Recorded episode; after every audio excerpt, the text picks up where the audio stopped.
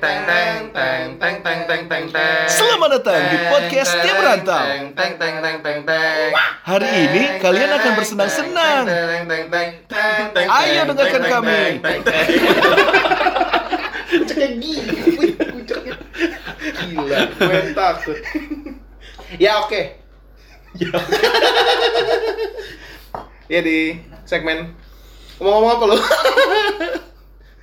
ya kita di podcast kedua ya berarti ini ya. Podcast Hari ini kedua. kita tag podcast kedua di malam yang syahdu.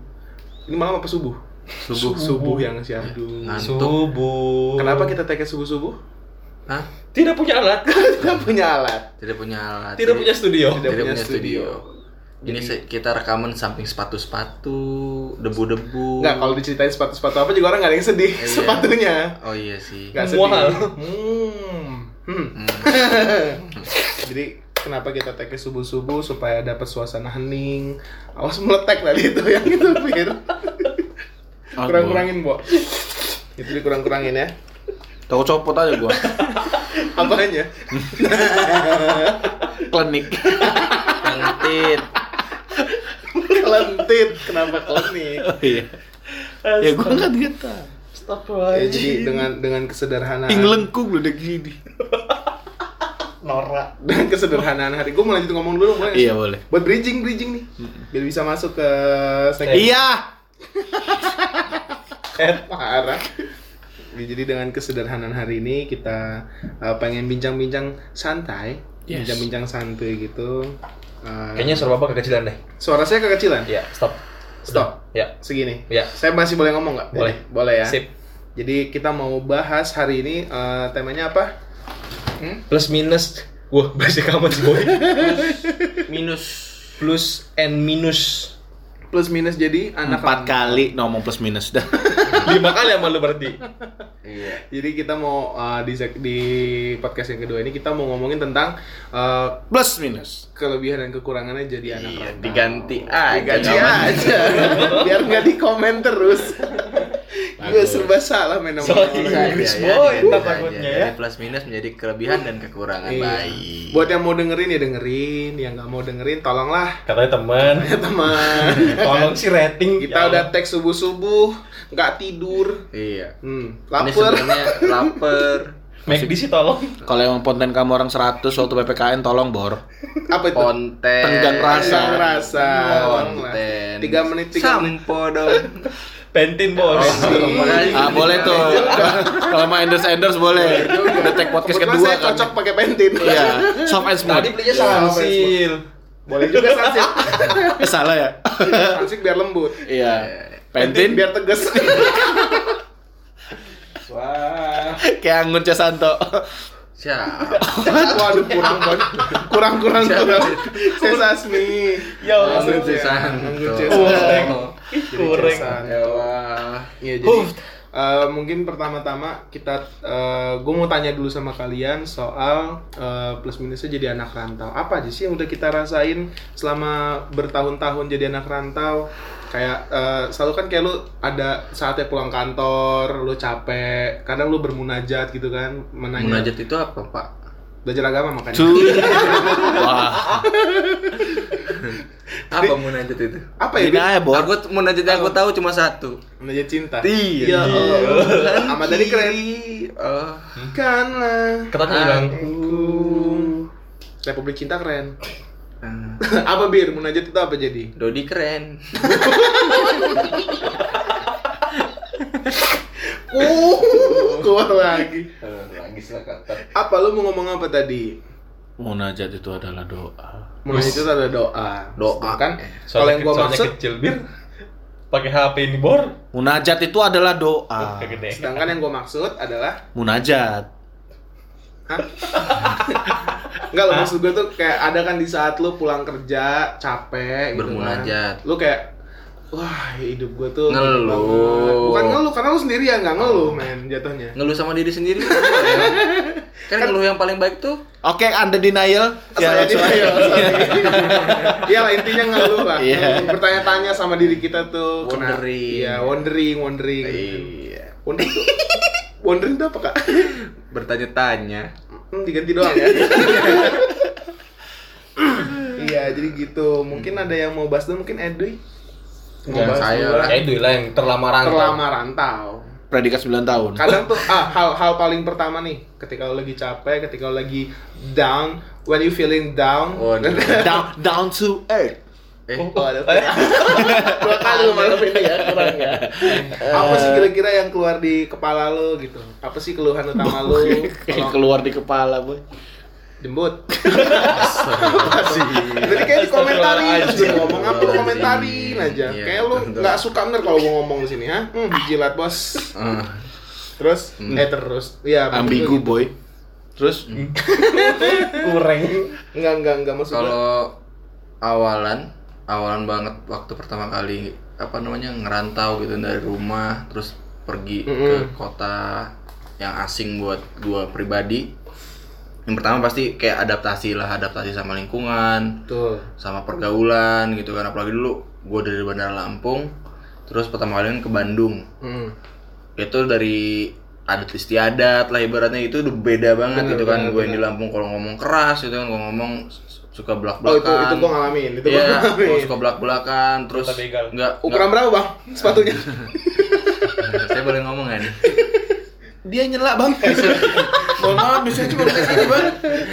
ya, yang ngomong belak belakan gitu kan yang paling yang paling awal kerasa banget eh, minusnya itu di situ tuh yaitu beradaptasi dengan dunia baru dengan lingkungan baru yang gimana sih cara hidup di daerah baru ini gitu kan terus mensinkronkan kita ke orang-orang baru ini yang ya ngomong harus bisa jaga Iya, ngomongan kalau kita di bandar kalau di bandar benar. Lampung kan kita emang ya udah suka-suka hati mau ngomong apa orang tuh nggak baper gitu kan Tapi itu bukannya karena terlebih yang kita temuin juga orang-orang dekat juga nggak sih?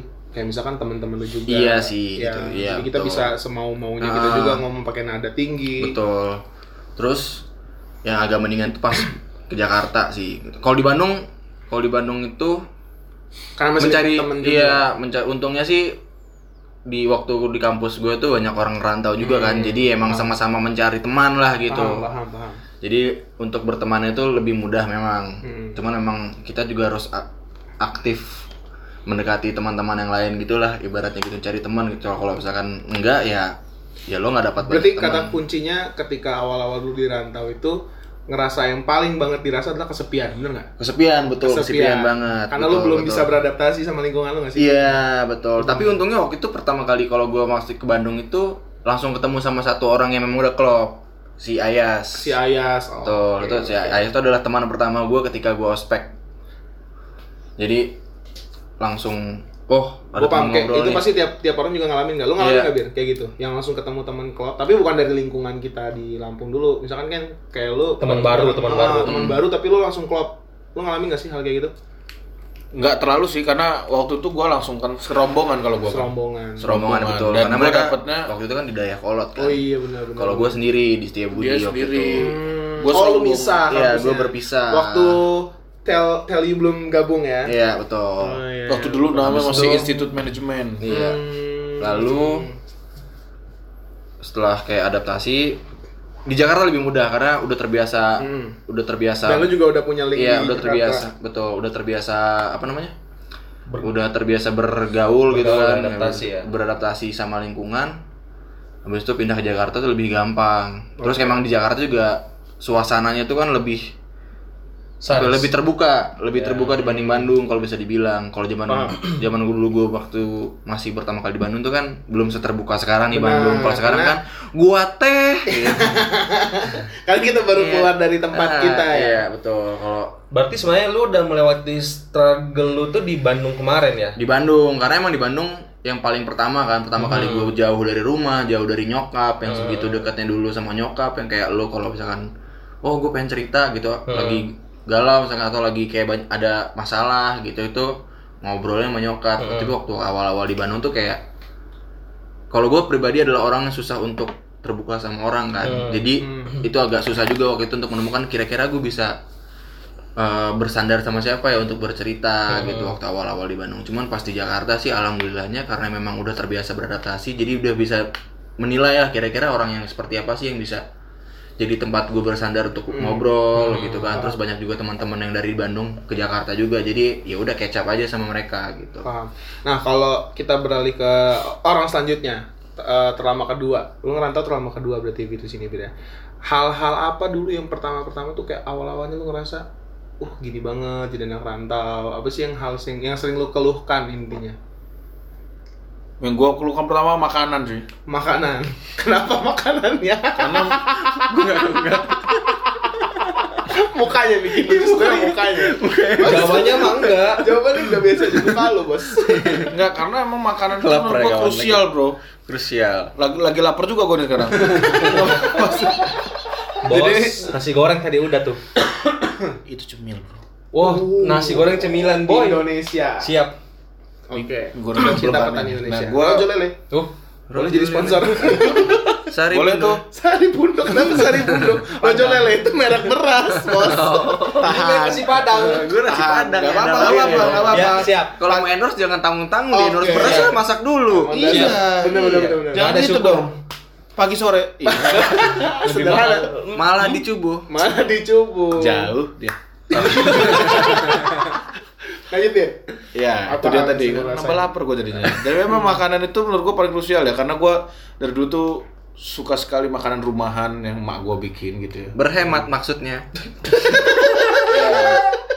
tidak mengeluarkan uang Dia keluar uang, tapi emang rasa doi. Rasa iya. tuh ngerasain gue nasi Itu pasti. padang, nasi padang di Lampung sama nasi padang di Jakarta, eh di Bandung itu sama, cuman beda rasanya. Ada yang beda. Terus Padang. yang sama itu maksudnya apa Maksudnya sama-sama nasi padang. terus yang nggak sama dong kalau Nice beda info. rasanya Nasi info Nice kan? info kan? Dan dan ya nasi padang mau di Papua juga namanya nasi padang mir Enggak, kalau di Padang sampai di Amerika Padang. juga na- nasi padang Tapi kalau di Padang bukan nasi Padang namanya. Ah, apa nih gue mau tunjuk Nasi doang lah, kan nasi di nasi Padang. Hmm. oke bir lanjut Kurang. warung makan boy namanya. Nah, warung makan di Padang bener. oh iya Ah. bener Iyalah, di Padang iya. ada nasi Padang, Bos. Iya, iya, iya, iya. oke Eh, oke nggak tahu sih. Iya nggak sih? Gue Iya. belum pernah ke Padang. Ya lanjut aja lanjut orang selanjutnya Oke, aja. makanan, Lanjut, makanan, makanan. Terus, terus. Kenapa menurut lo makanan itu krusial?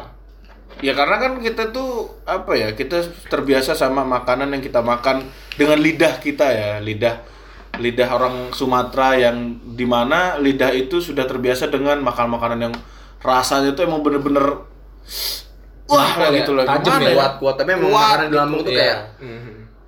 Orang kalau makan di Lampung tuh kita nggak pernah lepas namanya terasi Betul. Oke, iya mak Makassar jadi juga nah, sama itu, sih. itu Sama juga ya? itu sama. itu juga yang gue rasain ketika di Bandung kayak gue kaget ketika makan pecel ayam atau pecel lele Iya. Manis ya? Sambalnya nggak pakai Kacang, sambal bro. nasi. Iya. Oh iya. sambal kacang gue kayak ngerasa anjir kayak makan bakwan Iya, betul. makan gorengan Betul. gitu Jujur karena kalau Oh, betul iya, itu gue jujur bener. Makassar juga sama itu sih. gue shock nasi. pertama kali shock culture shock pertama kali di Bandung ke soal makanan gitu tuh Sambal kacang. iya sambal kacang kayak anjing sambal kita di, kacang di Lampung kayak, iya ah kita nggak pernah membuat Iya, kacang jadi sambal iya, gitu iya. kan. Kacang itu jadi buat pecel Pecel. pecel, sesungguhnya Iya. pecel gitu Lotek, lotek, lotek. lotek Gado-gado. Gado-gado, gitu. Ya. karena kalau di Lampung tuh setiap pecel ayam mereka perangnya perang terasi ya sambal Iya, terasi ya benar, benar. tuh kayak. Pedes-pedesan. ya, oh gue mau kalau lu tanya di Lampung warung pecel ayam banyak banget Banyak pecel ayam tuh banyak banget dari dari embo bapak ibu mbak warung Sama cinta Makassar. warung cinta lah Sama namanya Makassar, sama. Monggo monggo, monggo monggo the best the best. Makassar Aji. Aji. Aji, nah, iya. Aji. di atas orang Iya. itu Kalau Boy. Nah, gue lanjutin soal krusial. Kalau gua mau tanya soal krusial tadi, apakah hanya rasa doang nih yang lu rasanya kehilangan nih beda beda rasa atau masalah segi finansial juga keluar? yang pertama ini kan yang pertama yang pertama tuh rasa karena emang gua Hmm. karena masakan tadi beda ya yang kedua kenapa makanan itu adalah eh, banyak makanan yang namanya sama Hmm. Tapi beda di sini. tapi beda gitu loh kayak contoh contoh kayak misalkan ketoprak nih ya ketoprak di Lampung itu diulek di piringnya Betul. kalau ketoprak di Bandung tuh pertama kali gue mau disiram bos pecel namanya bukannya apa boy gue ke soal makanan gak bisa gue Iya, kalau iya, iya. apa gue tanya proses. oh Enggak. jadi perbedaan ketoprak sama pecel tuh itu Iya, Iya, pecel nggak, disiram. pecel disiram. oh gitu Pecel tuh diulek di ulekannya langsung. Iya, Baru iya. dimasukin bahan-bahan. Siram Iya. ketoprak. Kalau ketoprak diulek di, Di piring. piringnya. Setahu gue. Jakarta Oh. Jakarta pun begitu Iya. kan. Oh, iya. aduh jadi pengen ketoprak Nah, masih buka sih Order ketoprak kan, tolong. Nah itu itu karena gua soalnya paling makan tuh gua sampai tanya boy ke orang itu di depan di depan pintu masuk IT. Oh iya iya. Ada iya, kan di iya, itu nah. Sorry kalau kalian nggak tahu. Tahu gua. Iya, iya. Iya. Di Sorry, situ di, di situ Seperti ada ada tukang klarifikasi. pe- ketoprak memang dia sama pecel juga tapi kan gue pikir ya beda kan penyajiannya kan ini di, digabung bor cuman isi cuman ininya aja apa istilah itu deh Isinya. Toge, toge, toge, toge. isinya aja yang dibedain tapi kalau bumbu kacangnya tuh sama sedangkan Iya, iya. beda gitu loh Iya betul. Nah, Dan ketoprak setahu tuh. gue kayak lebih kental kan harusnya Ya. si bumbu kacangnya. sampai gue tanya Ya. bang ini ketoprak apa pecel ya ketoprak deh tadi tapi pakai bahasa Sunda ya dia Hmm. Nah, gimana maksudnya pakai Bahasa Sunda Sunda. ya deh ya. Gimana tuh kalau tahu? toprak A. Kenapa? Gak maksud gua gitu. Ya, ya itu terus finansial juga. Sebenarnya finansial juga maksudnya. Wih, tapi enggak oh. sih. Sebenarnya sepuluh ribu juga sih waktu itu. Maksudnya masih sama lah sama. Enggak, Cuman kalau masalah finansial itu tuh kerasanya tuh mungkin kalau waktu kuliah kita nggak kerasa gara-gara kita minta kan. Iya, Kayak itu tiap bulan gitu. maksud. Nah, yang kalau menurut gue kerasa itu pas saat, saat sekarang kita kerja nih gitu kan Betul. kayak anjir apalagi di Jakarta ya makanan Sekali iya, makan 30. sekali makan at least 30 sampai 50 ribu. Oh, Jakarta keras boy. Iya, Lu gitu kan. pernah nggak sih sampai nggak jadi makan gara-gara ngisi bensin? Kalau gue sih pernah. Oh, kalau aku kebetulan enggak karena nggak bawa kendaraan di sini. Iya bener juga sih. Kalau gua pernah kayak gitu waktu SMA. Iya, mau ke mana-mana pas- pakai kalau- Grab corporate. Kalau gua pak, Iya oke. Kalau Kalau kalau emang Grab mau ini kita boleh boleh juga. Grab for corporate. Iya, Grab for CC siapa yang mau dipakai? Cici lu aja lah. Hmm. Cece, cece, cece. BCA keren. BCA keren. Nah, BCA juga boleh tuh. Ada BNI syariah kok. Oh siap. Boleh. Tapi Cece juga. Enggak. Cece BNI syariah ya Allah. Ada, Boy. syariah. Kan syariah. Gimana tuh Cece BNI syariah tuh? Nah, itu gua juga bingung. Boleh nggak dibicarain panjang? Oh Nanti iya. kena nih. Oh iya benar. Terus tadi Iya. gimana Bir tadi? Masalah yang jadinya kata si AA-nya gimana? Pas Dia lu- kata dia- dia- ekspresi lu apa? Ekspresi lu deh apa? Yang pertama lu ucapin gitu. Ya dia bilang itu ketoprak. Gua bilang, Terus? "Bang, ini mah pecel atau gua?" Mohon maaf nih, Bang, ngelawan. debatin. Debat. Iya, gua gua ah bukannya kalau bukannya kalau Oh, yang disiram debat. ini pecel ya gua bilang gitu. Enggak, ini mah ketoprak, cina. Eh, cenah, enggak, enggak, ini mah ketoprak katanya gitu kan. Oh, ya gue liatin aja mukanya. Ya udah, gua makan kan. Tapi akhirnya tetap lo makan. Ya lapar. Ya, ya gimana maksud gua rasanya gimana rasanya? rasanya pecel bor, sumpah. jadi jadi yang yang setahu gua Kalau pecel nggak pakai tahu kan? Pecel nggak pakai nggak pakai tahu dan Pakai setahu gua dia.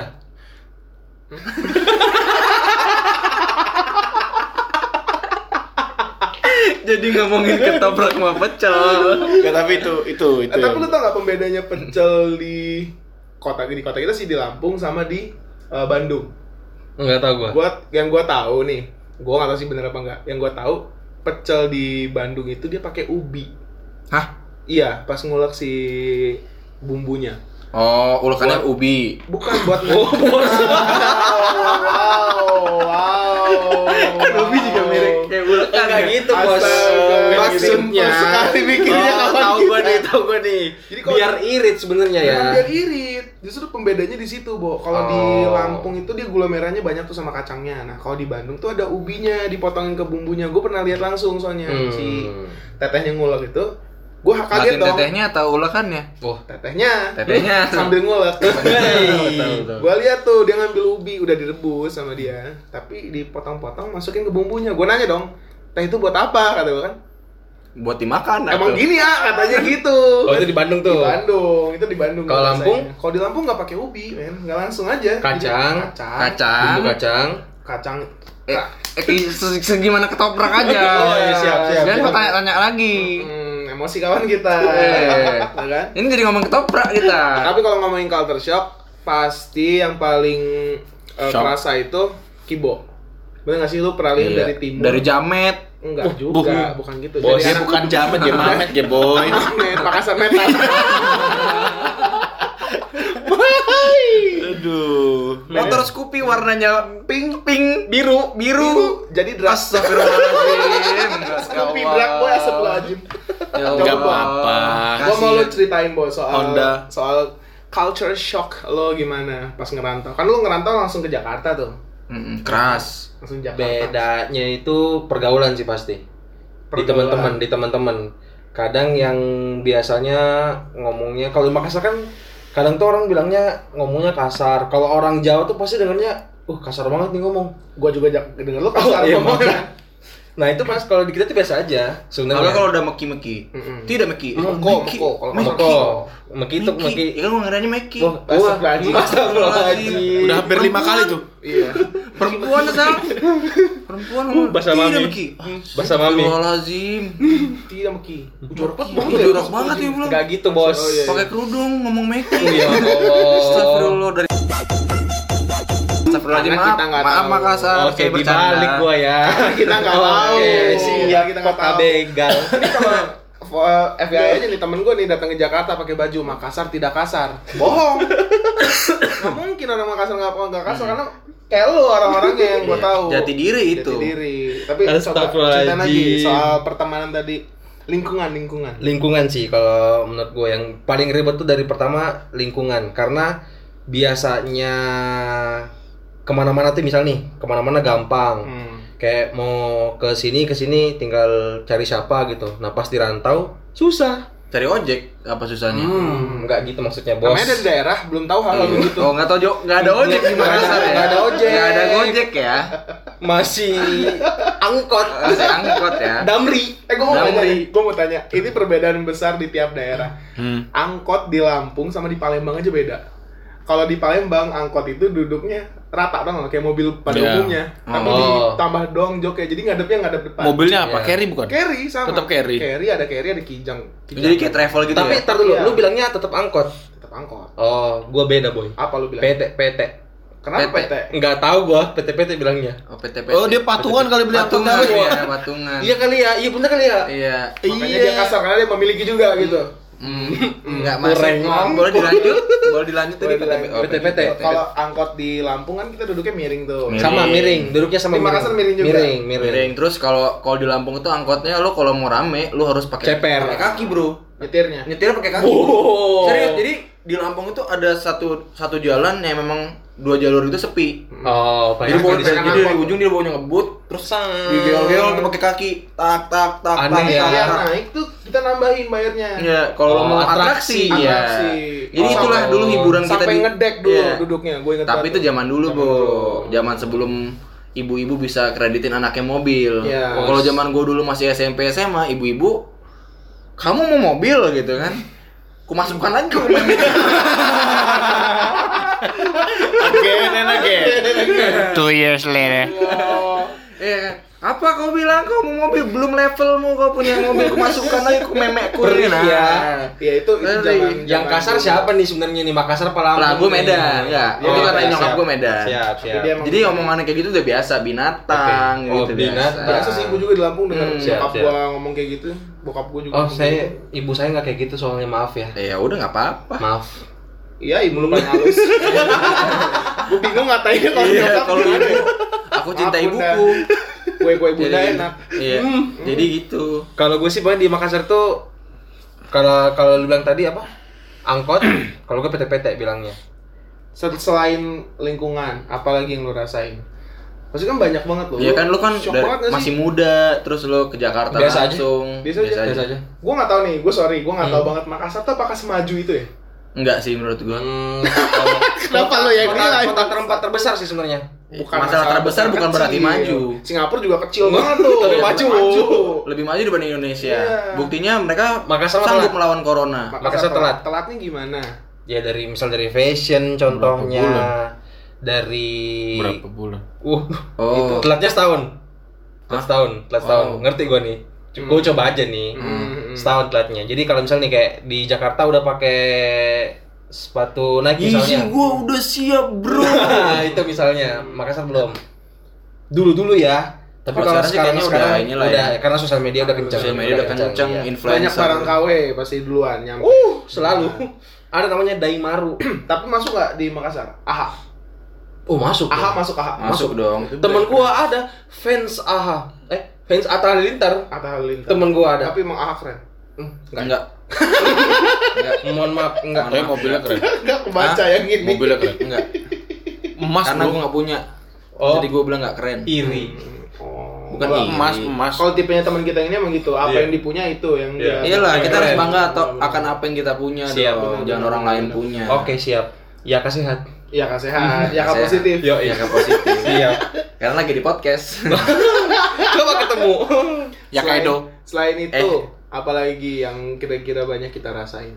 Kalau gua sekarang-sekarang nih apalagi pas udah kerja terus eh, lagi ada pandemi kayak gini yang enggak sih dari berapa tahun kebelakangan ini yang paling kerasa banget tuh kayak ya Allah andai aja ya gue punya rumah Hmm. atau kalau andai aja nih Jakarta itu adalah kampung gue yang ada gue bisa ketemu nyokap gue tiap gue pulang Hmm. pulang kerja gitu apalagi kerja kan kalau kerja itu kan kita nggak bisa selalu ngeluh gitu kan jadi pas yang berasa itu wah pak gue capek-capek kerja kayak anjing gue pengen banget ngeluh gue pengen banget cerita nih Iya tuh, gue juga. pengen banget pulang ke rumah gitu kan selain finansial ya apalagi kalau misalnya lu bayangin dah menurut gue sih 30% gaji kita biasanya itu dihabiskan untuk biaya tempat tinggal Betul. Hmm. kalau gue pribadi Hmm. mostly kayak gue jujur nggak sanggup ngekos misalkan nggak pakai AC gitu atau nggak ada internet atau WC-nya di luar gue pribadi nggak sanggup. Mungkin orang lain sanggup tapi kalau gue pribadi nggak sanggup makanya itu terasa banget nih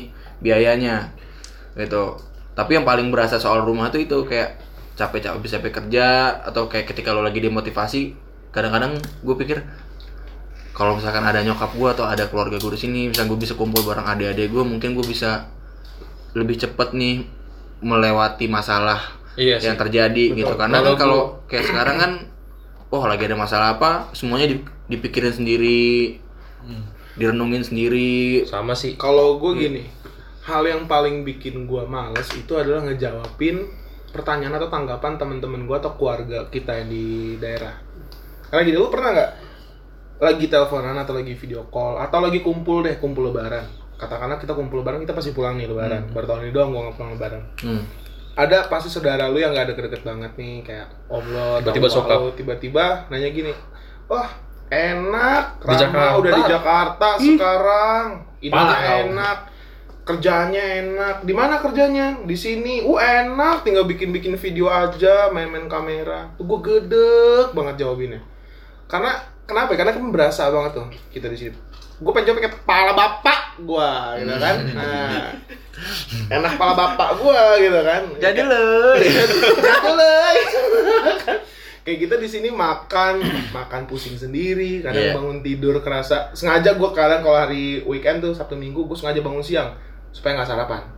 Ngiri. gue sampai sampai sampai kayak gitunya gue dulu pernah. Tapi, tapi kalau Faisal gua gue gue gue gue menyaksikan banget sih gimana dia struggle-nya gitu struggling di Lagi zaman di travel, Di- lagi di zaman travel. di kantor pertama, Nah, gue struggle sampai segitunya. struggle-nya gila-gilaan lah menurut Gue bangun agak siangan nih supaya gue nggak ngerasa lapar dari pagi. karena gue salut sama dia meskipun dia ngerantau terus eh, dengan segala apa yang dihasilkan di Jakarta itu tuh dia masih masih merela masih bukan merelakan sih apa masih bisa menyisihkan uangnya tuh buat kepentingan kepentingan orang lain. Bukan orang tua aja kepentingan orang lain. Terutama keluarga. Itu tuh bisa gue bilang hampir lebih dari 50% tuh, tuh buat kepentingan keluarga. Dan menurut gue tuh keren banget. Dan ngeliat dia itu tuh susah banget tuh emang. Makanya dia sampai kayak nggak sarapan. Maksud gue kayak gue kesel banget sama orang-orang yang bilang gitu. Apalagi kayak misalkan kayak misalkan kayak siapa lah teman kita nanya gitu, wah enak lu sekarang di di perusahaan ini ya udah settle dah lu udah jadi atau misalkan wah enak lu jadi PNS Hmm. gitu kan bro lu nggak tahu kerja kita apaan gitu kan di sana kita ngapain Iya. kayak yang Betul, lu betul, betul. lu begitu tanggal gajian lu langsung ngerasa anjing gua langsung bayar kosan Iya, bayar cicilan bayar ini betul, ngirim betul, nyokap betul, gini betul, gini betul. gini gini lu bangsat tinggal bilang datang-datang Iya. bilang enak lu mah kerjanya tinggal gini doang Pala bapak kau. enak lu mah kerja tinggal ngangkat-ngangkat kamera doang enak lu mah tinggal kerja cuma cuci Ler, ngomong gitu anjing tuh kan. cuman ya namanya juga manusia Orang nggak tahu. orang nggak tahu maksudnya kayak kebanyakan manusia pasti melihat kita dari Dari sisi Dari- luar aja. dari sisi positifnya Iya. aja Iya, gitu karena kan kan. nggak mungkin kita posting di Instagram gitu kan Iya, kesedihan lagi struggle. seperti yang saya Iya. bilang kemarin saya sempat bahas kalau di Instagram isinya itu sedih-sedih atau keluh kesah nama Instagramnya berubah bro Berubah. jadi act for humanity atau kita bisa .com Itu gitu benar. kan Benar. Faisal adalah seorang pekerja di ini ini tapi setiap hari Faisal tidak sarapan Kontol. kita bisa .com gitu kan Itbisa.com gue bukan yang mau kira Itbisa.com tuh menggiring opini sedihnya gitu Iya, kan. iya. Faisal adalah tapi setiap pagi Faisal merenung, menangis, merasa kelaparan, meronta-ronta. Lebay Ayo bantu. Faisal. Ayo bantu Faisal untuk bisa Tapi sarapan. sebentar nih. Kalau tadi kan Edi udah struggle-nya apa pas pertama ngerantau. Bibir udah, gue udah. Nah, lu sendiri Sal gimana? Kalau gua struggle pertama kali ngerantau, gua nggak ngerasa kesepian pertama. Karena gua gua menurut gua ya gua gampang deket sama orangnya, bergaul sama orangnya. Karena emang mulut gua kan cerita, mulu cerita sama siapa aja gua cerita. Justru struggle pertama yang gua rasain tadi kayak hal-hal finansial dan lain-lainnya. Iya benar. Karena begitu nggak usah berbicara kuliah deh. Kalau kalau kita ngomongin kuliah kan pasti kita disupport sama orang Iya. tua, sebisa orang tua kita. Yang gue rasain tuh setelah kuliah. Karena kayak setelah kuliah, gue melawan keinginan bokap gue. Hmm. Bokap gue inginnya gue S2 terus jadi praktisi hukum gitu kan. Sedangkan gue pengennya bisnis. Gue bikin tour travel di situ. Jadi kesepakatan gue sama bokap adalah oke ini bulan ini tahun terakhir karena bokap gue buat tahun depannya pensiun. Bokap gue bilang ini tahun terakhir lo gue support. Tahun depan lo udah nggak perlu gue tunjang lagi karena lo udah punya usaha lo sendiri. Waktu itu tour travel gue bikinnya. Ini saksi hidup teman-teman perjuangan gue ada di sini. Gue empat bulan tinggal di kosannya bibir. Orangnya udah pulang nih, dia tarik dealer. Kosannya masih jalan sampai akhir tahun. Gue tinggal empat bulan di dalam kosan dia, cuman pakai kasur ya beda, kasur, lemari peninggalan lo sama meja peninggalannya bibir. Empat bulan gue tinggal sama Upu di situ. Nah, justru itu yang bikin bikin kuatnya gua ngerantau di situ. Karena kalau pilihan pulang banyak banget. Iya betul. gue ah kayaknya gue nyerah aja deh. Kayaknya gue pulang aja deh. Kayaknya gue nggak sanggup nih. Kayaknya gue capek nih gitu kan. Banyak banyak banget. Tapi gue balik lagi nih. Orang tua gue gue pulang bawa ijazah doang aja pasti kayak ya lu Apa? ngapain di sini gitu. Pengalaman gue nggak ada harganya mungkin di sana. Karena gue belum pernah nyoba sih. Makanya gue bilang mungkin cuman kalau gue pikir-pikir lagi ya gue pulang bawa ijazah aja orang tua gue udah bingung apalagi gue pulang nyusahin mereka gitu. Jadi gue ngerasa struggle-nya itu di masalah finansial sampai gue bisa ke Jakarta lagi bikin travel lagi sampai akhirnya gue nyerah bisnis. Bukan nyerah sih mimpi bisnis masih Istirahat ada dulu. istirahat dulu. Kalau kata Istirahat bokap gue istirahat dulu benerin lah. Jadi bokap gue tuh pakai istilah pasif aktif income. Gitu. Baru di situ gue ngerasa gimana ya struggle gue sih ada buahnya lah sedikit gitu Iya. Tapi itu juga gue juga ngalamin itu waktu pas selesai kuliah tuh. Karena gue juga telat kan lulus kuliah, jadi nyokap gue tuh ngasih pilihan kayak kalau gue dulunya pengennya tinggal di Bandung. Karena gue dulu sejatuh cinta tuh sama Bandung Parah ya. sih. Bandung itu menurut gue adalah Seasik itu lah comfort ya. zone gue banget Parah ketika sih itu. Eh, dan kayak sekarang pun kalau disuruh pilih kayak eh, lu pilih tinggal di mana? Gue gue kalau bisa Bandung. milih, gue pengen punya gaji Jakarta tinggal di Bandung. betul gue sama banget tuh kayak andai kan saja di, di Bandung itu bisa menggaji gue seperti gue di Jakarta gue kayak dengan Bisa. sangat senang hati Iya, bisa. Masuk perusahaan internasional. oh iya, Iya, betul benar tapi ilmu saya belum sampai situ kalau saya lihat jadi, jadi waktu itu eh, nyokap gue juga ngasih pilihan gitu kan karena gue udah telat lima tahun menurut nyokap gue itu udah kelamaan dia ngeliat gue main mulu Eh, pilihannya waktu itu kayak oh gue mau gue mau buat bisnis gue bilang gue mau buat bisnis di Bandung. Dulu gue tertarik banget eh, fashion kan tertarik banget. Gue gue pengen punya usaha apa kayak kaos-kaos itu nyokap gue nggak ngasih. Nyokap bilang nyokap gue bilang ya intinya kalau lo mau di Bandung lo harus cari kerja Hmm. di Bandung. Atau lo pulang ke Lampung bantuin gue di sini gitu kan. Bantuin gue di sini ngurusin ya yang di Lampung lah Iya. gitu. Nah masalahnya waktu itu di Bandung nggak ada yang menurut gue bisa buat gue enak nih kayak kerjaannya gitu dari segi gaji ataupun pekerjaan Iya. gitu kan sampai akhirnya kok gue bilang pokoknya waktu lu sampai lu kelulusan Ya. Oh iya. sampai itu makanya kemarin gue cerita yang gue Sabtunya itu wisuda wisuda Senin gue udah masuk kerja Iya. jadi begitu selesai sidang gue langsung nyari kerjaan alhamdulillahnya dapat di Jakarta Iya. gitu waktu itu sama teman gue terkena terkena apa namanya terkena skena Jakarta. Bukan terkena Iming-iming. iming-iming. Boleh di skip yang itu ya? Iming-iming ya terkena iming-iming. Gaji kamu akan sebesar ini tapi sampai sana gaji saya 3,2 juta bro gitu. Jadi gitu. Dan dan pada saat momen itu pada saat momen gue bekerja pertama kali di Jakarta di situ gue langsung mikir gitu. Mikir kayak anjing gitu. Dalam hati gue langsung begitu gue kerja anjing gue di Jakarta kerja capek-capek digaji 3,2 3,2 juta. Gimana nyokap gue bisa wah men itu pernah gimana nyokap gue nyari duit buat nyekolahin gue buat ngasih gue makan selama gue waktu kuliah dengan ket- ketidakpedulian gue akan finansial gitu Itu kan bener banget tuh. gimana ya cara orang tua gue menghidupi gue nih dulu gitu sedangkan gue begitu tahu rasanya kerja tuh kayak Berat banget ya. wah berat banget terus hasilnya pun tidak seperti apa Iya, tidak yang yang lo tidak harapkan. tidak sebanding dengan apa yang lo lo, lo kerjakan gitu Iya, kan iya. Gue dulu pernah diomongin bokap gue gitu doi. Hmm. Pada pada saat gue masih kuliah di Bandung deh. Gue minta beli apa gitu gue lupa. Gue minta duit sama bokap gue. Terus bokap gue ngasih duitnya, tapi sebelumnya ngomong gini. Coba direnungin, kalau nanti lu punya anak, lu bisa nggak fasilitasin anak lu kayak gua? Itu nggak kepikiran dulu di Iya. Bandung. Nggak gue pikirin tuh omongan itu tuh. Ah bacot, sama gue kan. Udahlah, gue pengen beli ini nih. Gue lupa, gue mau beli apa buku atau ngapain gitu. Akhirnya ditransfer sama bokap gue. Dan itu berasa setelah gue nginjekin kaki di Jakarta. Di Jakarta men yang lu salah puter balik sedikit nyasar satu setengah jam. Kalau dulu gue gue langsung berasa anjing nih bener nih ketika gue tinggal di kontrakan kecil di Bekasi dengan mimpi itu travel gue itu baru berasa omongan bokap gue gitu bener juga nih gue yang mau pulang bingung mikirin ongkos Iya. udah bisa pulang nggak nggak bisa pulang lagi ke Jakarta bingung kan betul betul betul tapi kok Betul.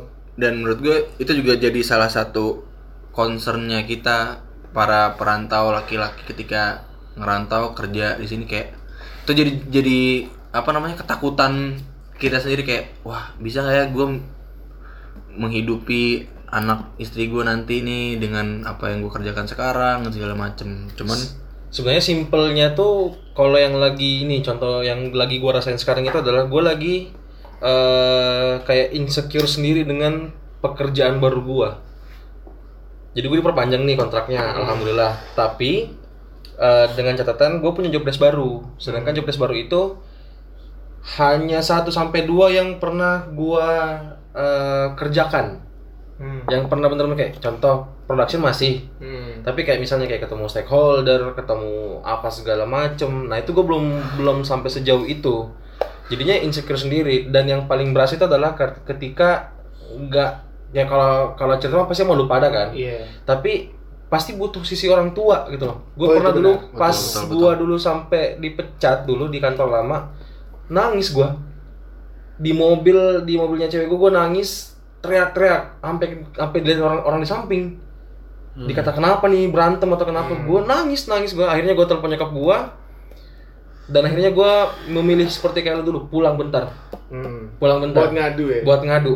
Itu paling berasa nah Lu sekarang semua udah pernah kayak gitu kan pasti? kalau gue mau menangis gue karena gue orangnya anti pulang kan hmm. jadi nyokap gue selalu datang karena kebetulan adek gue juga kuliah di Jakarta Ya. akhirnya nyokap gue tuh kayak cari-cari alasan selalu cari-cari alasan untuk datang ke Jakarta nah itu enak tuh kalau kayak gitu sebenarnya momen, satu momen sisi nangis gue waktu itu adalah gue tuh dulu waktu gue kerja di bank waktu itu gue tuh nggak pernah cerita sama nyokap gue gimana susahnya karena menurut gue ini adalah challenge buat gue juga karena waktu Betul. itu waktu gue lulus nyokap gue bilang kan lu balik ke ke kampung sedangkan gue nggak mau. Iya, Gua lu mau berarti kan gue udah udah menentang udah Iya. menentang keinginan dia dong. Iya. jadi gue nggak mau cerita susah-susahnya gue di di Jakarta. Ya jadi ada satu momen nyokap gue datang ke Jakarta itu gue baru pulang dari kantor gue dari kantor itu kantor gue di Karawaci itu pada saat itu gue bawa mobil akhirnya bawa mobil ke Jakarta tuh. Diajak makan lah nyokap gue itu di Kokas. Inget banget gue di Kokas lagi makan di Korean restoran Nah, Eh, terus muka gue kayaknya kusut banget. Nyokap gue tuh cuma nanya satu pertanyaan. Dari segala conversation gitu-gitu gue kan lagi Pamungkas biasa aja gitu kan. pamungkas situ ada adik-adik gue semua. Terus nyokap gue cuma nanya nanya satu pertanyaan. Bang gitu kan. Kamu kenapa? Nangis. dia cuma nanya itu doang. Bang kamu kenapa? Lu bayangin selama ini gue tahan segala segala sedih gue Iya. segala pusing segala apa segala macam tuh gue cuma bisa nangis di situ. Nangis bener-bener yang terisak-isak sampai adek gue tuh yang dulunya sering mintain duit tapi nggak berani minta duit lagi sampai sekarang. Karena dia ngeliat gue nangis terisak-isak kayak ya Allah mak gue bilang kayak nangis susah banget cari duit. Ya gue bilang gitu ya Allah abang capek gitu abang capek bangun subuh ngejar kereta lu bayangin bangun jam tiga, jam setengah empat pagi lu mandi azan subuh lu berangkat ke stasiun lu langsung berangkat ke Iya. ke Karawaci nyampe Karawaci jam setengah sepuluh bro. Itu gaji gua itu nggak bisa buat gua main karena gaji gua cuma buat ongkos sama buat Iya. makan kalau gua mau main itu tuh kayak harus main judi hmm? dulu itu yang gua bilang iya kalau Banyak banget ya? iya itu gua harus main judi Ini suatu sangat yang berfaedah ini. Berfaedah. Oh, nggak apa-apa podcast ini agak tapi panjang. sebenarnya emang eh, mengadek ke orang tuh menurut gue ya pribadi ketika lu ngerantau kadang satu sisi lu nggak mau tunjukin sama orang tua lu bahwa lu lemah di Jakarta Iya. lu lemah di rantau Iya, tapi satu sisi lu sangat membutuhkan orang tua lu gitu loh Sangat, betul. jadi kayak kadang cuman kayak eh, ya seperti tadi dia bilang kamu kenapa kalau nyokap gue nggak kayak gitu nyokap gue cuma kayak gini gimana di sana bu pasti udah mulai tuh Hmm. bahas bahas bahas bahas baru serat serat nangis. sejam ada gue nangis tuh kayak gitu pasti selalu kayak gitu Makanya itu yang gue kangenin kayak tadi gue bilang ketika di rantau yang paling jadi masalah itu adalah wah andai kan ada rumah di sini. Mm-mm. Benar tuh, itu benar. Gitu karena menurut gue se- sebesar apa pun achievement gue di Jakarta berasa kurang aja gitu karena gue nggak punya rumah di sini. belum ada yang belum ada yang bisa dibawa pulang lah ya Iya, kasarnya Gue gua nggak nggak nggak pulang ke rumah. Gue cuman pulang ke kosan di sepeta kamar atau mungkin nanti ada teman-teman yang di apartemen lah atau segala macam. Pasti teman-teman juga pasti ngerasa kayak anjir gue nggak pulang ke rumah. Iya. Karena ya di situ nggak ada tempat gue bersandar, tempat gue. Itu gue pernah ngerasain. Gue pulang tapi bukan ke rumah. Ya, Yang yang lo hadepin tuh kayak benda-benda mati tuh Iya. kayak kasur lagi, kasur ya. lagi. Itu sampai Iya. kerjaan gue dulu pulang, yaudah rebahan, main HP, tidur, bangun, gitu lagi gitu lagi, gitu lagi. repeat Iya, repeat. tapi kalau lu sendiri bir kan dari tadi lu diem terus kan kayaknya mungkin ada yang Berbeda lebih, iya mungkin berbeda mungkin mungkin lu nggak relate Insight- apa insight lebih apa mungkin lebih relate mungkin Hmm, enggak sih, karena kalau kalau kalau dari apa ya? Dari kecil itu gue di nggak terlalu yang di dekat sama keluarga enggak. Maksudnya bukan nggak dekat dalam arti gue jauh ya, tapi emang keluarga gue tuh selalu mempercayakan apa pun sama gue gitu dari kecil. Jadi gue nggak Terserah lo lah gitu kan. Ya, jadi kayak intinya gue bisa tanggung jawab sama apa yang gue lakukan gitu dari kecil tuh dari dari gue SMP itu gue udah dilepas. Maksudnya nggak ada yang eh dari gue TK tuh gue nggak lulus TK. Gara-gara gue hebat kan? Gimana? anjing TK doang gak lulus. Iya. Kontol. Waduh gue gak bisa tahan nih boy sama nih. enggak jadi bagus sih sebenarnya jadi podcast kita ini dari sedih langsung naik shoot Enggak cuma aduh aduh aduh aduh. aduh. Karena dulu itu gue nggak lulus TK tuh karena dikeluarin mak gue. Hah? oh Karena disuruh gua ikut dia terus. Karena gue nggak mau gua nggak mau sekolah kalau mak gue nggak masuk kelas. oh benar saking sayangnya sama orang tua berarti ya Karena gue nggak mau nggak mau masuk nggak mau masuk kalau mak gue nggak di kelas. Karena kan nggak boleh sama gurunya. Kenapa lu begitu? Nggak tahu. Ya, emang nggak boleh sama gurunya sebenarnya kan Introvert Enggak. ya dulu. Bukan, karena gue tuh merasanya takut gitu. Gue takut hilang mak gue. iya iya Ya, ya ngerti namanya juga anak-anak lah, anak-anak. iya. anak-anak, Gitu. Jadi gue pokok gue mak gue di luar aja palanya hilang gue nangis gitu. Ngerti gak lo? Kan lagi nih gue. Bukan palanya hilang dipenggal. Hilang hilang gitu. Enggak enggak nengok dikit Iya, nggak kelihatan dari iya. jendela lah ibaratnya Bentar, lu lu eh, TK nggak lulus. Gue pertama kali cabut sekolah TK men. Bu, Saya ya Allah. Jadi lu tau gak sih dulu, dulu kan TK tuh kita dianterin sama orang tua nih. Iya. Bekalnya dititipin ke gurunya atau taruh di locker gitu kan. Iya. Terus tasnya digantung. Tahu lu? Nah, nyokap gue dulu nggak bisa jagain, nggak bisa nungguin. Pulang deh nyokap gue. Nah, gue sebelum berba- baris berbaris masuk kelas, Cabut duluan. gue balik lagi, ngikutin nyokap gue. Jadi gue cabutnya ngikutin pantat nyokap gue. Sampai nyebrang. Tahu lu? Terus sampai rumah, gue dengan PD-nya ngadep ke nyokap gue yang lagi nyuci di kamar mandi. Gue ny- eh, nongol di pintu gitu kan. Ibu, dimandiin gue langsung. Ibu, kok kamu gak sekolah? Gue dimandiin air sebak anjing. Dengan baju lengkap, bangsat. Lanjut, Bin. Gue cabut sekolah itu pertama kali TK. Ya Allah. tapi lulus kan? Lu Nakalan gue berarti. Oh, ada kalian dia. Siap. Gue nggak lulus. Siap Bang Iya, iya, iya. Terus terus Iya. terus terus. Jadi emang lu dari kecil emang udah di di dianjurkan untuk mandiri lah ibaratnya dia di diarahkan untuk mandiri ya berarti ya. Ya, bu ya mungkin seperti itu ya. Tapi gue ngerasanya dulu enggak. Gue ngerasanya dulu kok gue dilepas ya gitu. ya. Iya, Tapi iya. kerasanya baru sekarang. Itulah kayak kita dulu ngerasa kayak anjir nyokap gue gini banget, banget, iya. nyokap gue gini banget ya. Tapi ternyata Hmm, di di sekarang. akhir cerita kita dapat tahu, ya. dapat nih faedahnya. Oh ternyata faedahnya tuh ini ya gitu. Nyokap bokap gue tuh dari dulu gitu. Ya, Iya nyokap bokap gue Berarti dari dulu sebenarnya memang. gini nih. iya. Nah, apa pun yang sekarang. orang tuh ya apa pun yang dulu kita dididik sama orang tua kita menurut kita mungkin enak banget Hmm. ternyata sebenarnya ada alasan di akhir cerita kan bahwa lu harus seperti ini. Hmm. Maunya gue tuh lu kayak gini sebenarnya. Hmm. Tapi baru baru ketangkap sekarang nih. Betul. Makanya kalau menurut gua secara keseluruhan tadi kan kita dari tadi tuh ngomong keluh kesah gitu kan keluh kesah merantau.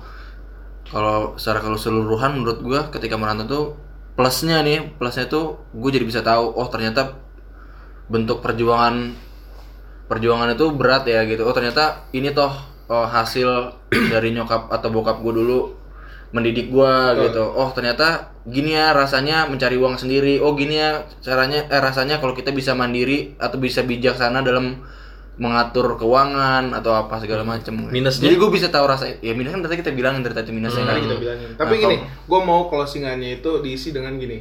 Kayaknya bagus kan nggak tahu ya. Nggak tahu dah. Coba lu sampein uh, masing-masing dari kita nih kita sampein pesan-pesan kita buat teman-teman yang masih ngerantau, yang lagi mungkin lagi lagi ngerasain struggle-strugglenya rantau nih di masa ini. Pesan-pesan dari kita nih apa? Edu lagi. Lu dulu. Terlama soalnya. Kalau pesan kalau menurut gue pesan gue untuk teman-teman yang memang merantau eh, kalian harus nemuin eh, teman-teman yang memang bisa jadi tempat bersandar karena gue ngerasa gue bersyukur banget sepanjang gue merantau gue selalu ketemu oleh eh, ketemu dengan teman-teman yang eh, menurut gue selalu ngasih sisi positif Hmm. di hidup gue gue nggak pernah ibaratnya nggak pernah melenceng jauh karena menurut gue ketika lo ngerantau dan lo melenceng jauh itu udah jadi udah jadi Hal yang buruk. ha- bukan hal yang buruk. Gue nggak ngomongin itu buruk atau nggak. Kalau buruk atau nggak itu dia yang ngerasain. Tapi bisa udah pasti itu rugi. Hmm. Betul, hal yang udah pasti itu rugi. jadi gue lebih lebih itu lo rugi banget ketika lo menyanyiakan eh, menyanyiakan Kesempatan. kesempatan rantau lo dengan hal yang merugikan diri lo sendiri. Memang mungkin enak gitu hal-hal yang let's say narkoba gitu atau kayak segala macem lah ataupun apa pun ceritanya. Ninu, ninu, ninu. Seru memang kan gitu. Cuman menurut gue tuh lo rugi banget itu karena lo kehilangan momen untuk apa ya? Untuk membuat Mengeksplor diri lo. untuk ya mengeksplor diri lo menjadi lebih baik lagi gitu. Karena jujur sekarang gue ngerasa bersyukurnya itu ketemu orang-orang yang ya mungkin kayak mabuk-mabukan masih tapi kita masih bisa jaga diri kita masih bisa kontrol diri masih bisa eh, oh ini salah ini ini benar ini nggak boleh gue lanjutin gitu kan ibaratnya kayak gitu jadi kalian harus temuin teman-teman yang memang eh, ap- Kompeten. bukan kompeten Bukan kompeten. bukan kompeten teman-teman yang memang bisa bawa lo Membimbing berarti ya. mem- iya memberikan lo uh, positif sisi positif atau kayak efek positif dalam hidup lo gitu nggak cuma di sisi pekerjaan atau sisi main-main kalau sisi main-main ya semua orang juga bisa jadi tempat tempat yang enak untuk main-main gitu. Cuman nggak tahu apakah itu akan jadi hasil yang positif atau enggak untuk kita ke depannya. Menurut gue itu. Harus ketemu dah teman-teman yang bisa bisa ngobrol bisa curhat bisa tukar pikiran bisa ba- bantu nyelesain masalah lo itu penting banget menurut gue karena sendirian di tempat rantau itu bisa dibilang nggak akan enak. Nggak enak. akan enak buat diri kita pribadi. Meskipun lo introvert seorang introvert pun pasti punya temen yang Betul. Setuju bisa gua. bisa ini. Kalau lu bir? Oke. Kalau gue sih buat orang-orang yang yang lagi merantau atau akan merantau atau atau sudah merantau. Oh sudah mau udah ya udah. Lagi, Lagi dan di rantau. sudah. Lagi merasa Gimana? down di rantau. Ya pokoknya kalau Pokoknya. inti- kalau lo ngerantau intinya sering ngaca sama lihat ke bawah. Hmm. Itu aja. Mau lu jelasin bersyukur ya Iya, bersyukur kalau lo mau dengerin gue jelasin. dengerin Gua, gua dengerin lah pasti. Oh, Suzon mah. canda saya ini. Ngantuk saya ini guys. Terus terus. 4.30 ini. Jadi ya sering ngaca itu adalah lu sering ngaca ya. Maksudnya saat lu ngelakuin apa pun kegiatan di rantau di tempat lu merantau tempat lu bekerja lu harus sering ngaca ini lu bukan. hmm, jangan kehilangan diri sendiri Biar lu tahu lu tuh gimana. Itu. Kalian interpretasiin sendiri lah. Yang kedua itu lu harus sering lihat ke bawah karena di rantau itu banyak yang di atas. Tapi ingat kalau kata Mas Tony di di apa? Di bawah di bawah langit itu semua itu repetisi. Itu bukan? iya Iya, tapi nggak nyambung ya. Maksud gua tuh intinya gitu ya harus lihat ke bawah karena karena waktu kita kerantau tuh ngeliat ke atas lu ngeliat temen lu punya sepeda baru harga mahal jangan pengen lu lihat ke bawah yang nggak punya sepeda Tuh. kayak gua Terus Kayak gua juga. Iya. Pokoknya itu karena kalau Kamu lu- tidak berniat untuk menyindir saya kan? enggak. BM. Maksud gua intinya kalau lu sering lihat ke bawah, lu akan sering bersyukur dan lu nggak akan sering ngeluh di perantauan lu itu aja, Bang. Karena ngeluh di perantauan itu bukan suatu yang baik. Nggak menyelesaikan masalah menurut Iya. gue. Lo kok? Kalau gue sebenarnya teringat satu eh, tulisan di mobil truk pas gue lagi ke pabrik di Mojokerto. Tulisannya itu jangan terlalu sam jangan terlalu banyak sambat, perbanyaklah bersyukur. Intinya bersyukur. Intinya bersyukur. Itu yang karena men- dan dan gue sama bos gue kan emang orang Jawa asli kan. Kata dia itu sebenarnya salah satu filosofi paling dalam ketika lu eh, udah jadi orang besar atau lu mau merantau. Itu salah satu filosofi yang paling besar. Pokoknya jangan banyak sambat tapi perbanyak ingat Tuhan. Apa pun sikonnya, apa pun itu. Dan kalau gue tadi sebenarnya setuju sama bibir kata bibir. Sering ke bawah, contohnya itu salah satu yang bisa diterapkan juga. Kalau dari gue sih sebenarnya lebih lebih ke seperti itu sih. Banyak bersyukur. Kalau lu sal, Kalau gue gini, gue pernah dengar juga dari teman-teman gue yang lebih senior lagi, umurnya baik umurnya baik pengalamannya. Buat yang baru ngerantau, baru banget ngejejakin kaki buat ngerantau, baru mencoba untuk merantau dan lagi struggle. Mungkin yang bisa gue sampaikan adalah ingat tujuan, ingat tujuan aja bukan pembuktian. Karena kalau kita udah salah arah duluan dari dari awal kita pengen niat ini, gue pengen ngebuktiin nih sama teman-teman gua, sama keluarga gua, sama siapa. bahwa gue bisa. Men lu kesiksa sendiri. Kalau tujuan kalau si eh, eh, pembuktian tadi nggak kesampaian, lu kesiksa sendiri. Bener. Lu bakal kurang, kurang aja kurang. Tapi kalau lu niatnya tujuan, Selalu tujuan cukup. lu pengen nambah ilmu, tujuan lu pengen eh, Nambah temen. nambah temen atau naikin derajat keluarga lu dalam arti kata Iya. finansial dan lain-lain. Lu bakal fokus sama satu tujuan dan lu nggak terganggu sama yang lainnya. Buat yang lagi struggle di rantauan, pesan gue adalah semua capek, semua pusing, semua eh, lelah, intinya menderita lah semuanya. Jangan tapi jangan sampai lu ngerasa lu doang yang ngalamin Iya. hal itu. Betul. Jangan sampai lu ngerasa lu doang yang ngalamin hal itu. Boleh lu lepas bentar nih, ibaratnya beban lu tadi ran, eh, si ransel nih, be- lu lepas bentar, lu taro, biar lu siap lagi nanti ngangkat ransel lagi yang kuat lagi, naik lagi ke atas gunung. Itu aja dari gua. Hmm. Oke, berarti perbanyak bersyukur. Oke. Nih tapi ini tar dulu ya kita eks, apa kita kasih tahu dulu ke teman-teman bahwa kita pun tidak berkompeten sebenarnya Iya. dalam membahas ini, tapi Iya. kita mencoba untuk membahas dari perspektif kita, dari sisi kita, dari Bukan- yang bukan tandanya kita sudah sukses sekarang, No, belum. Kita masih dalam on masih way. susah. Kita masih dalam perjalanan. Insya Allah sukses sama-sama ya. amin. ya. amin, amin, amin, Kita amin, sharing-sharing aja ya. Oke guys, uh, podcast ini udah agak berat. Tuh, alarm subuh. Harap subuh sudah bunyi. Yang Podcast sering- ini mungkin agak berat Mm-mm. hari ini. Panjang kayaknya. ya, Panjang kayaknya. Mm-mm. Niatnya nggak bikin segini panjang, tapi nggak apa-apa. Ayo kita tutup. Kita tutup pakai jingle kita yang biasa. Ayo kita ambil ambil suara dulu. Teng, hmm. Ayo. Teng teng teng teng teng teng teng teng teng teng tereng teng teng teng teng teng teng